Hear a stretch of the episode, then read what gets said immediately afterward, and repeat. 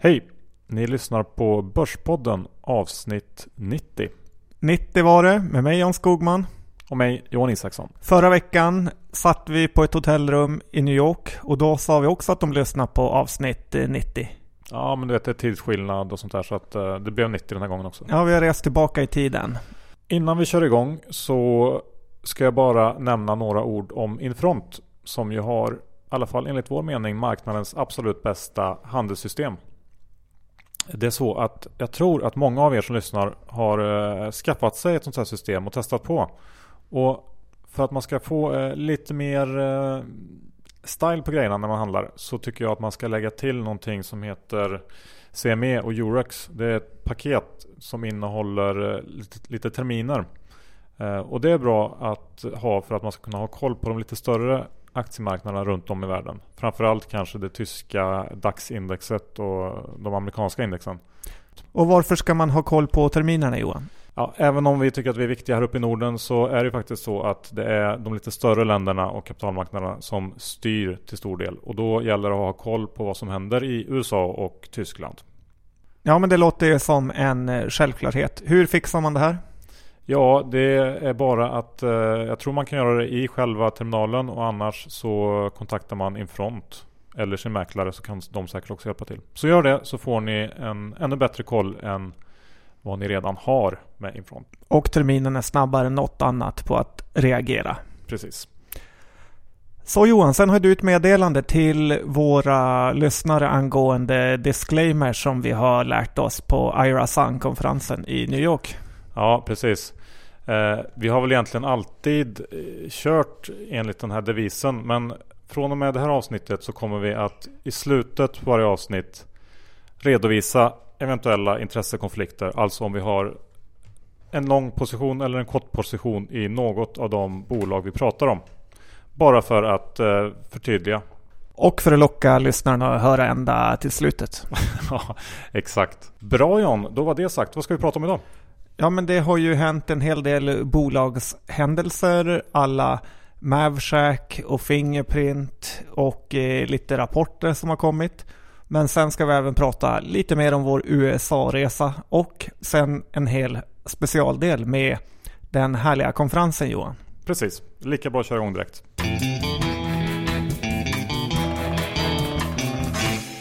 Johan Isaksson, har du hört det förut? Ja, du säger alltid det. Jättetröttsamt är det. Men visst, det heter jag. Index är på 1590. Vi har haft eh, lite så kallad varannandagsbörs eh, med tiltning mot nedgång. Vad beror det här på? Ja, i media har det ju varit mycket kring Grekland nu på slutet. Och eh, ja, det kanske man kan använda som orsak. Jag vet inte, räntorna har ju gått upp lite grann. Mycket sånt som stökar till lite grann nu. Ja, vissa dagar har långräntan, 5-10 årsräntan varit uppemot 30% här i Sverige, vilket är ju helt enorma uppgångar. Ja, samtidigt så ska man komma ihåg att det är från låga nivåer så att uppgång i, i procent blir lite konstigt kanske. Men, men eh, visst, eh, eftersom den låga räntan har varit mer eller mindre den enda orsaken till att köpa aktier så är det klart att eh, varenda liten rörelse åt, åt uppåthållet får ju reaktioner såklart. Låter som Dr. Bass är där han brukar vara. Vad säger du om dollarns eh, fall egentligen från 8,50 ner till 8,20 nu? Ja det är också väldigt intressant att se hur den, vart den tar vägen. Eh, det har ju varit, vi pratade om det tidigare, en, en consensus trade att eh, vara lång dollar. Och börjar den avvecklas lite grann så, så kan det bli en liten proppen ur effekt kanske. Och det har ju också varit jätteviktigt för bolagsvinsterna i bland annat Sverige. Det är bara att se på senaste rapportperioden hur stor del av av förbättringen eller vinsterna som eh, var rena valutavinster. Så att eh, det är klart att det också bidrar till, till oron. Och jag känner också att väldigt många, mm, framförallt kanske nya aktörer på börsen, har lärt sig att det bara är att köpa dippen. Buy the dip. Så fort det är ner kanske 1, 2, 3, 4, 5 procent så köper man och man är nästan garanterad att tjäna pengar. Så är det ju inte i verkligheten. Eh, det kan ju faktiskt gå ner mer sen. Och jag känner att vi är lite i ett sånt läge nu där många har kört på sig ganska mycket i den här eh, nedsättningen vi haft där sista veckan. Och om vi inte vänder upp här så tror jag att då skulle det kunna bli en, en, eh, ja, en, en rejäl sättning till. Att många kanske ändå blir lite rädda på allvar. Ja, så kan det nog vara. Vi får se. Du sörjer det lite John. Ja men det gör jag Johan. Text-tv-sidan 227 är borttagen. Den som är efter alla index i världen som man lätt knappar över och får se stängningen jämfört med för svenska aktier i USA jämfört med hur den var här i Sverige. Det var en liten klassiker som jag alltid tittade på och nu är den borta. Det är du och Axel Stinson. Men, men det här med USA, vi har ju varit där så att vi behövde inte kolla på text-tv. Har du några reflektioner eh, nu när du kommit hem? Ja, det ena är ju med dollarn som du nämnde. Att eh, jag var i Florida 2008 och då stod dollarn i 5,80. Och då kändes det fantastiskt billigt. Nu när vi var där och den står i 8,50 då känns det rätt dyrt Johan. Ja, det stämmer. Det känns ju faktiskt för dyrt. Ja, New York är ju en extremt dyr stad och en öl ska inte kosta 9-10 dollar. Nej. Men um, har du sett något kul då i New York? Ja, men det har jag gjort. Eller eh, Omaha? Framförallt tänker jag på takboxarna från Thule som det faktiskt fanns en hel del av på Manhattan, tror eller ej. Så det kanske kan vara något. Ja, kanske därför rapporten var så bra. Och sen köpte jag en Wesk-tröja här i Sverige som var lite åt hipster-hållet faktiskt. Ja, du skulle göra det lite fin innan vi skulle åka iväg, eller hur? Ja, det ville man ju göra. Och vi åkte till megahipsterområdet i Williamsburg, New York, eh, som ligger lite utanför. Och eh, där kom det faktiskt fram folk och fota mig, så vem vet? Wesk kanske har något i framtiden. Ja, det där, det där var intressant faktiskt. Men lite mer om våra New York-upplevelser sen. Du, eh, Vardia slog till med eh, nyemission på en krona nu. Det är en katastrofutveckling i Vardia. Eh, Värdebloggsfavoriten är nästan utbombad. Och eh, det måste nästan vara svårt att hitta en aktie som har presterat eh, sämre än den här, även om man har eh, velat det. Men eh, gillar man försäkringsbolag så finns det absolut många lönsamma, bra bolag som handlas på börsen. Antingen så kan man köpa Berkshire som vi tipsade om förra veckan. De har en st stor andel försäkringsbolag i sig.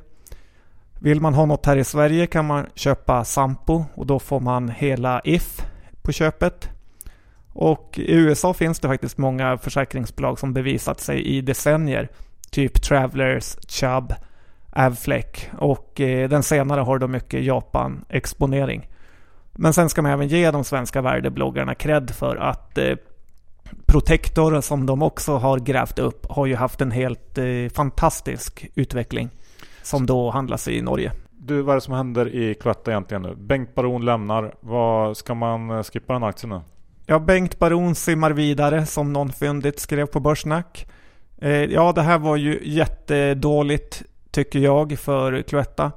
En liten dröm hade ju varit att Mondelez, Nestlé eller de här stora ville ha Cloetta och Bengt Baron och la ett bud på hela tjofräset. Det här kommer inte att hända nu. Men Cloetta är fortfarande ett eh, bra bolag och det Bengt Baron har gjort med det är ju faktiskt att få ordning på det. Så att eh, kurser kring 25 kronor så ser jag det här köpvärt. Ja. Det finns inget dåligt som inte har något eh, gott med sig Johan som man brukar säga. Nu får man köpa Cloetta billigt istället. Ja, alltid något. Du, jag köpte lite Fruit of the Loom kalsonger i Omaha av Warren. Det var inte så uppskattat när jag kom hem kan jag säga. Ehm, och idag rapporterade vår svenska motsvarighet Björn Borg. Ja, de levererade väl inte egentligen heller. Lite jämförelsestörande siffror, men ändå i svagaste laget kan man tycka. Ja. Björn Borgs kalsonger, som jag även testkörde lite i New York, har ju inte riktigt inbyggd aircon om man säger så. Utan tätare tyg än så efter en eh, torktumling får man ju leta efter. Jag är inte riktigt in säker på att jag, man ska köpa det här bolaget kring 33-34 kronor. För det handlas fortfarande ganska höga multiplar även om du räknar bort de här procenten som Mr Björn Borg ska få. Så jag håller mig nog utanför Johan. Ja, vi har ju en, en, trist sommar framför oss också. En tråkig nästa rapport som kommer så att man kan nog avvakta lite. Du, en kille som verk, inte verkar kunna göra fel är ju Ola R.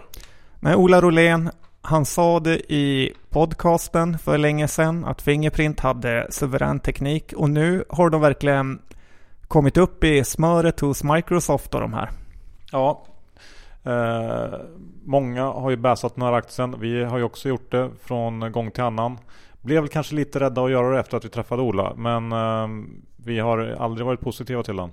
Nej, men man kanske får vända nu när han är det. Ja, det där får man hålla ögonen på. Ett bolag som vi absolut inte har håsat utan snarare gjort tvärtom. Det är ju Mavshack. Ja, Mavshack har vi ju bäsat sönder här under en lång period och med rätta eftersom allt visar sig vara fullständig eh, skräp. Garanterna som skulle backa upp den här nyemissionen som har eh, pågått men inte blivit fullföljd har ju hoppat ur och eh, det är lite konstigt när man har garanter som inte behöver fullfölja sina åtaganden. Ja, namnet i sig antyder väl att man garanterar någonting och då Ja, för mig funkar inte riktigt det där. Men eh, ja. Jag kan i det här fallet nästan förstå garanterna och tycka att eh, bolaget har betett sig otroligt illa. Och jag hoppas verkligen att eh, de som lyssnar på Börspodden här inte har tagit det här bolaget med tång på väldigt, väldigt länge. Det tror jag ingen har gjort faktiskt. Hexatronic då Johan, på tal om bolag som inte går så bra. De har också gjort en ny emission som var övertecknad. Hur går det här ihop med vår negativitet? Ja, eh, det man kan säga om den här emissionen är ju att man passar på att ta in 10 extra till. Eh, vi har ju tidigare påpekat att man tog in mer än vad som behövdes för det här förvärvet. Eh, som är själva anledningen till emissionen från början. Och med de här 10 extra så tar man alltså in ungefär 20 miljoner extra. Och det ser jag ingen annan anledning till att man gör än att man har haft problem med likviditeten och att man behöver få in pengar helt enkelt.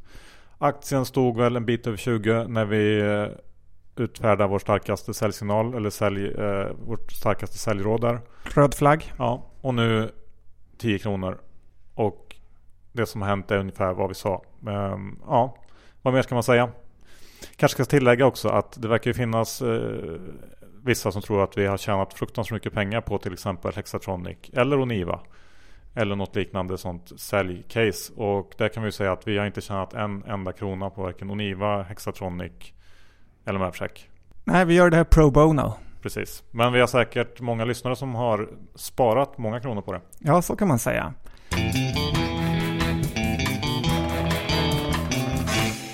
IRA Son Johan, en stor hedgefondkonferens i New York som vi var på. Kan du guida oss igenom den?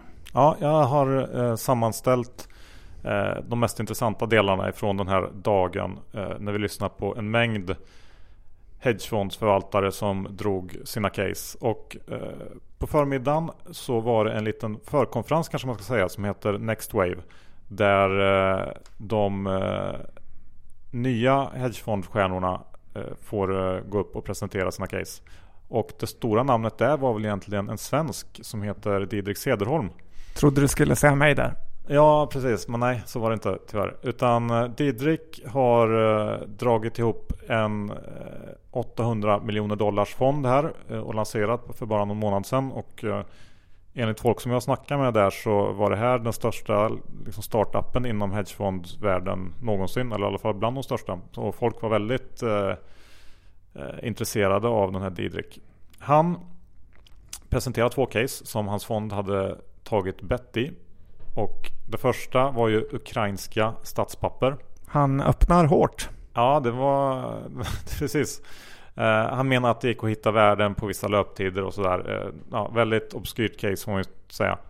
Um, och sen gick han ju snabbt över till att om man har köpt uh, statspapper i Ukraina så kan man behöva en ally. Och då hade han hittat ett amerikanskt bolag som hette just Ally och som pysslar med billån. Ja, tips Didrik. Tona ner och säga Allied 20 gånger under din presentation. Uh, och Ally Financial uh, hade haft det ganska tufft nu efter finanskrisen. Uh, men han menar att de har gjort en hel del förbättringar och att den handlas med rejäl rabatt mot sina peers. Och tyckte väl att det fanns 40-60% uppsida där. han gjorde väl kanske den bästa presentationen på den här Next Wave-delen tycker jag. Ja, för att vi förstod hans svengelska Johan. Ja, kanske var därför. Eh, om vi sen ska gå in på den stora eh, huvuddelen av konferensen så var ju David Einhorn först ut. Ja, han hade en ganska smålegendarisk presentation redan som kallas Meet the Frackers, eller hur? Ja, känns som The Frack Attack. Precis. Eh, och han attackerade i den här presentationen eh, de amerikanska frackingbolagen. Som alltså tar upp eh, tung eh, olja, oljesand. Och eh, menar väl eh, mer eller mindre att eh, affärsmodellen var ohållbar. Och han siktar in sig framförallt på ett bolag som heter Pioneer. Med ticken PXD. Och konstaterar att det kostar mer för dem att ta upp oljan än vad de kan sälja den för. Och kom också fram till att bolagets värde i själva verket var negativt. Jag kollar lite snabbt på hur den har gått sedan dess. Och aktien stod i 172 dollar när vi lyssnade på honom och står nu i 152. Så att ja, han verkar ha fått en bra start i alla fall. Ja, han kallar den för The Motherfracker. Som syftar på något betydligt fulare ord. Ja, han körde ju väldigt mycket med humor i sin presentation och det verkar gå hem i USA. Tycker jag var ett genomgående tema. Och mer då Johan, vilka fler stjärnor var det där som fick presentera sina ja, case? Sen tänkte jag att vi kunde prata lite om Keith Meister. Eh, han är en eh, gammal Carl Icahn lärjunge och eh, driver nu en fond som heter Corvex. Med 7 miljarder dollar i assets. Han körde ett case som han har kört förut ganska många gånger tror jag. Och bolaget han eh, gillar heter Yum Brands. Han är, hans fond är femte största ägare där. Uh, Brands har ju KFC, Pizza Hut, Taco Bell. Och det som är lite intressant med Jam är att de genererar över 30% av vinsten från Kina. Uh, och i Kina är faktiskt KFC den mest populära kedjan. Vilket uh, kändes lite oväntat för mig i alla fall. Ja, det är väl inte den man går ut och fine-dinar på i alla fall. Nej, han såg i alla fall det här caset som eh, något slags spel på urbanisering i Kina och Hans tanke är att man ska dela upp det här Young Brands i eh, en ren Kina-del som man sen ska knoppa av. Och eh, sen kunna ha kvar den här amerikanska delen som man då ska kunna gear upp mycket mer. Och det kan man göra för att den amerikanska delen har en mycket högre andel franchising i sig än vad Kina-delen har. I Kina så äger de merparten av sina restauranger, vilket man inte gör i, i USA. De är ju lite tokiga i franchise i staterna. Ja men verkligen. Och, och, han menar då i alla fall att den här amerikanska delen skulle få en mycket högre, högre multipel om man har en mer, den är mer rent franchising och, och man kan geara upp den mer. Och Kina-delen skulle bli liksom någon slags tillväxtdel. Var väl en ganska intressant case, eh, även om det inte ser jättebilligt ut. Men, men det här med kedjor som du säger är ju väldigt eh, typiskt amerikanskt får man säga. Det är bara att se på de här sista årens vinnare, Chipotle och nu på slutet Shake Shack. Vi testade ju bägge de här när vi var där. Ja, kan jag få ett snabbbetyg? Eh, Chipotle på P40 är ju en toksälj. Det håller jag med om. Shake Shack. Ja, det var väl ganska goda hamburgare. Lite kanske för flottiga för oss eh, nyttiga västeuropeer. Inte för mig. Nej, men du är mer en amerikan än en, en svensk tycker jag på det sättet. Men jag tycker jag har svårt att se fascinationen i, i Shake Shack. Eh, om det är värt eh, 250 miljoner dollar per restaurang eller vad det är så rekommenderar jag att eh, Melker Andersson noterar Vigårda som någon slags motsvarighet till Shake Shack. Ja, det var en bra idé. Sen så var det ett litet inhopp av eh, en annan kille, inte en hedgefondförvaltare utan eh, en person som heter Jay Walker som var någon slags serieentreprenör och hade hur många patent som helst. Även grundare av TEDMED. Han körde en, en lite märklig presentation tycker jag. Eh, han såg en stor risk för att det skulle spridas global panik framöver genom att någon eller en grupp skulle då göra en drönarattack med biologiska vapen och i samband med det här sprida skräck uh, på sociala medier. Och varna för att det här skulle kunna leda till en global meltdown alla 30-talet. Ja, Dr. Bass och han hängde hela pausen. Ja, ja precis. Uh, det var lite märkligt och sen hade han sista minuten hade han någon slags lösning på hur man skulle kunna förhindra det men det förstod jag ingenting av. Så att jag, behållningen av det här var bara att det kommer att bli en jätte panikgrej framöver av en drönarattack och det kändes ju inte så kul. Nej, inte, verkligen inte kul. Nej. En annan grej som hände var ju att inför det här eventet så hade man möjlighet att skicka in sitt bidrag eh, till en case-tävling. Eh, sitt bästa aktiecase alltså. Du skickar ju in Firefly Vann tyvärr inte. Kom tvåa. Precis. Vann gjorde istället en student som Reka Interactive Corp. Och det är ett amerikanskt bolag som har verksamhet inom eh, media och sök och datingsidor. Och han gjorde en ganska rolig presentation som kanske var den som drog ner mest applåder av alla. Ja, den var väldigt kul. Han hade hittat ett nytt eh, index som hette... Ja, han hade hittat på något eget eh, mått som var typ Cost of Getting Laid eller något sånt i samband med de här datingsidorna. Men i alla fall den stora grejen med den här Interactive Corp är ju att de äger Tinder som ju har blivit väldigt populärt på slutet. Ja, verkligen. Vi känner till många som har haft den och de refererar även till eh, Sverige flera gånger. Ja, eh, de har även många andra sidor, eh, datingsidor. Men, men eh, Tinder är ju eh, hett just nu och hans case byggde egentligen på att man får Tinder gratis om man köper Interactive Corp. I den här värderingen så, så bidrar Tinder negativt eftersom de inte tjänar några pengar och kan hävda då att alla analytiker och marknaden värderar Tinder till någon slags minuspost egentligen i det hela. Om det här var en startup sa han så hade bara den kunnat vara värd lika mycket som bolaget var nu. Ja, eh, kanske kan vara något att titta vidare på. Eh, jag vet inte riktigt, men eh, lite spännande. IAC var ticker. Sen var det Jeff Gundlach. Han är ju en legendar som du har även lyssnat på en hel del innan det här. Ja, han tycker jag kanske kändes som den skarpaste av alla de som presenterar. Uh, jag vet inte om det beror på att när man pratar makro så låter man lite smartare. Kan vara så Johan. Det är därför, det, det är därför du gör det i podden. ja, ja, jag låtsas. Han trodde i alla fall att räntan har bottnat nu. Och uh, han rekommenderar också att man skulle göra sig av med sina high yield bonds. Och var lite rädd för delar av kreditmarknaden där uh, bland annat Covenant Light-lån har växt väldigt kraftigt. Alltså lån som ställer lägre krav på låntagaren. Och han menar också att default-raten nu bland bolag kommer att stiga för att den har varit liksom konstlat låg tack vare de här låga räntorna och QE. Och ja, var väl generellt eh, ganska bäsad skulle jag säga. Ja, men han har väl rätt även här i Sverige där många av preferensaktierna åkt på ordentligt. Och eh, de amerikanska raterna eller reiterna, eller vad säger du? Ja, raterna säger jag. Har också kommit ner ganska mycket. Ja, Visst, och tioåringen trendar ju uppåt lite grann nu så att han kanske kommer få rätt här. Det han gillade var Municipal Bonds och då gärna Municipal Bonds som hade mycket Puerto Rico-innehåll, eller vad man ska kalla det. det. Puerto Rico har ju haft ganska stora problem och där kan man få eh, hitta yielder kring 11-12% faktiskt. Jag har letat lite efter för att hitta någon, någon fond som har eh, någon municipal bondfond som har eh, bara Puerto Rico eller mycket Puerto Rico. Men jag har inte riktigt hittat något än. Men, men det kanske kan vara någonting som eh, man ska titta på. Ja, du får ringa han och få ett riktigt tips. Ja, jag ska göra det. Next up var killen som kanske var tuffast av alla. David Tepper. Han grundare av Appaloosa Management och han har faktiskt levererat 30% om året i 22 år. Det låter ju fantastiskt bra. Ja, Bättre man, än Warren. Det får man ju faktiskt eh, ge honom lite cred för. Han var inne på det här temat som vi har levt med nu eh, i flera år. Alltså Don't fight the Fed.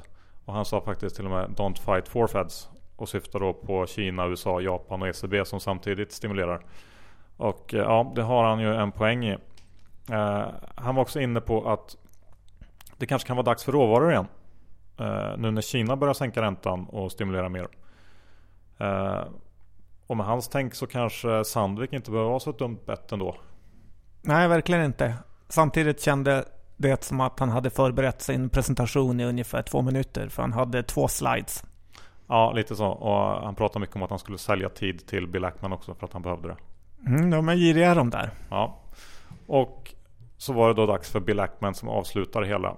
Det var, ja, det var väl det alla väntade på faktiskt. Ja, eh, Bill Ackman som ju är lite larger than life eh, kom in och avslutar hela konferensen med en monster håsrek på Valiant som är en konkurrent till Meda. De var ju på gång att köpa Meda för något år sedan. Och eh, han har kört in 20% av sin Norma-fond i Valiant. Och han kallar Valiant för ett plattformsbolag och menar då att de har en plattform för att förvärva bolag och att de är extremt duktiga på att göra det. Och att den här plattformen i sig ska värderas och värderas ganska högt. Är det en korrekt sammanfattning tycker du? Ja, och vi har ju en hel del svenska sådana bolag med. Ja, precis. Eh, vi har ju, ja Meda var vi inne på, de har ju samma affärsmodell ungefär. Eh, men sen har vi ju de här Lagerkrans, Adtech, Indutrade till exempel. Hexpool, Hexagon. Ja, Och tyck, ja, han tyckte alltså att man ska värdera det här track recordet och, och kompetensen att förvärva bolag och göra det bra. Eh, och det här gör då att han ser en rejäl uppsida i Valiant trots att den har redan har gått som en tok på börsen. Det här kändes ju som en fruktansvärt håsig rek i sig. Ja, det gjorde det. Men det var nästan en liten aura kring Bill, för jag tyckte han presterade väldigt bra där uppe på scen. Ja, många gillar ju honom och han har flytt just nu så att eh, vem vet, det kanske slår in. Det var väl egentligen Irasan Conference eh, i ett kortformat. Ja, du gjorde en eh, minst lika bra presentation som de själva gjorde. Vad eh, har du för favorit av de här och vilken take tar du med dig från USA till Sverige? Eh, favoriten är nog ändå Jeff Gundlach. Just för att han kändes skarpast. Och, och, spontant så känns det som när man ser de här eh, live som man annars bara sett på CNBC typ. Så känns de ju inte lika liksom, eh, imponerande och, och, och liksom häftiga som man tror att de ska göra på något sätt. Eller vad känner du? Nej, det är därför vi aldrig har några live-arrangemang Johan. Nej, de är ju bara människor liksom. Eh, och många av de presentationerna var inte heller särskilt, det var inget aha-ögonblick direkt. Utan eh, ja, de är duktiga på att sälja sig själva och ta in pengar och tjäna pengar.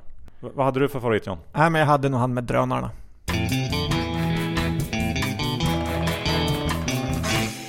Ja John, det var alles. Ja, avsnitt 90 avklarat och nu ska vi köra vår berömda disclaimer som vi promotade. Ja, jag äger inte aktier eller har inte blankat aktier i något av de bolagen vi pratar om idag. Samma gäller för mig. Lite fiaskoartad start på det här. Ja, men samtidigt lite härligt. Mm.